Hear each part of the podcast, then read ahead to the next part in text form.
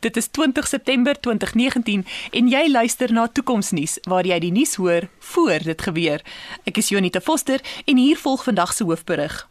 Suid-Afrikaanse selfoonnetwerke se 5G-netwerk het vroeër vandag gekreun as gevolg van 'n onverwagse hoeveelheid opgewonde toeskouers wat ingeteken het op die beeld wat regstreeks deur virtuele realiteitkameras uitgesaai word. Die kameras is naby die kantlyn van die speelveld aangebring en stel toeskouers tuis in staat om die wêreldbeker te ervaar asof hulle wel daar is. Slimfone wat op die ouer 4G-netwerk gekoppel is, het ook probleme ondervind met stadige dataspoed.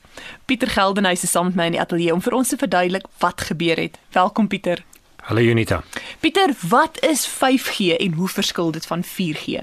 As ons na die tegnologie gaan kyk, is daar nie groot verskille tussen die modulasie van die syne tussen 'n 4G en 'n 5G netwerk nie, maar die argitektuur van 5G netwerke is heeltemal anders.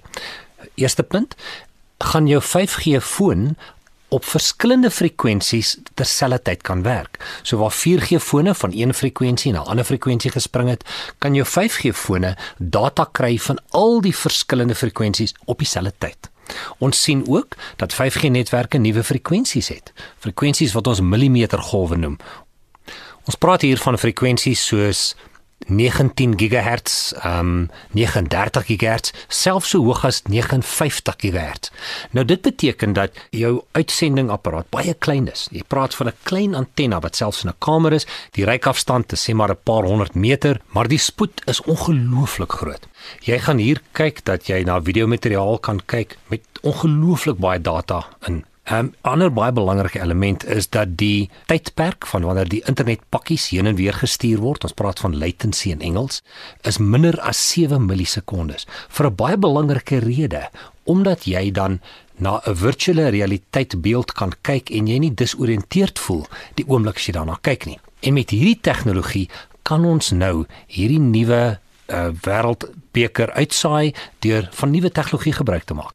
Dit beteken ons het kameras reg rondom die veld van 'n rugbywedstryd en jy kan besluit as gebruiker watter kamera wil jy na kyk. En die oomblik as jy inskakel op hierdie kamera, dan ervaar jy die realiteit in 360 grade soos wat 'n persoon wat daar is, dit sou ervaar. En dit is wat hierdie nuwe tegnologie wonderlik maak.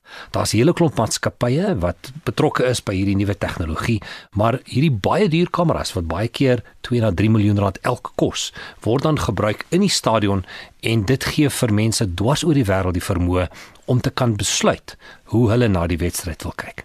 Pieter, hoe het dit dan gekom dat die rugby wêreldbeker as 'n virtuele realiteit uitgesaai word? Net 'n paar jaar terug het mense nog 'n satelliet TV diens nodig gehad.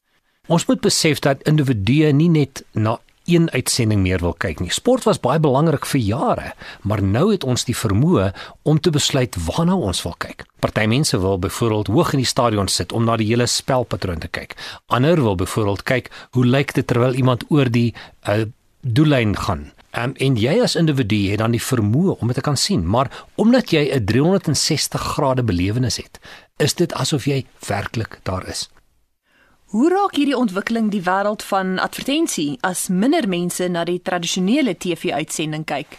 Daar's nog nie klinkklare oplossings hiervoor nie, maar daar's 'n paar idees. Eerstens, as jy dink dat al die persone wat rondom die kamera staan, al die oulike meisies en mans wat daar staan met hulle uh, interessante T-hemde aan, dat hulle per ongeluk daar is? Nee, want jy gaan iemand kry om 'n borgskap uit te bring vir die beeld wat jy sien baie naby aan die kamera wat jy besluit om te besoek.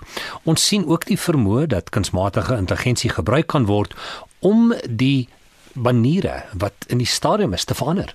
So as jy van 'n ander land af inkoppel, dan word ander maniere aan jou vertoon en die kwaliteit van die beeld is van so 'n aard dat jy nie agterkom dat 'n verskillende advertensie daar is afhangende van die land waaraf jy kom nie. Maar ons sien ook dat afhangende van wie jy is en wat jou persoonlike profiel is, dat die advertensie dalk mag verander, nie net land tot land nie, maar persoon tot persoon. So 1 tot 1 advertering is al reeds 'n realiteit. Ons het dit 'n paar jaar terug gesien met die skandaal van Cambridge Analytica en Facebook.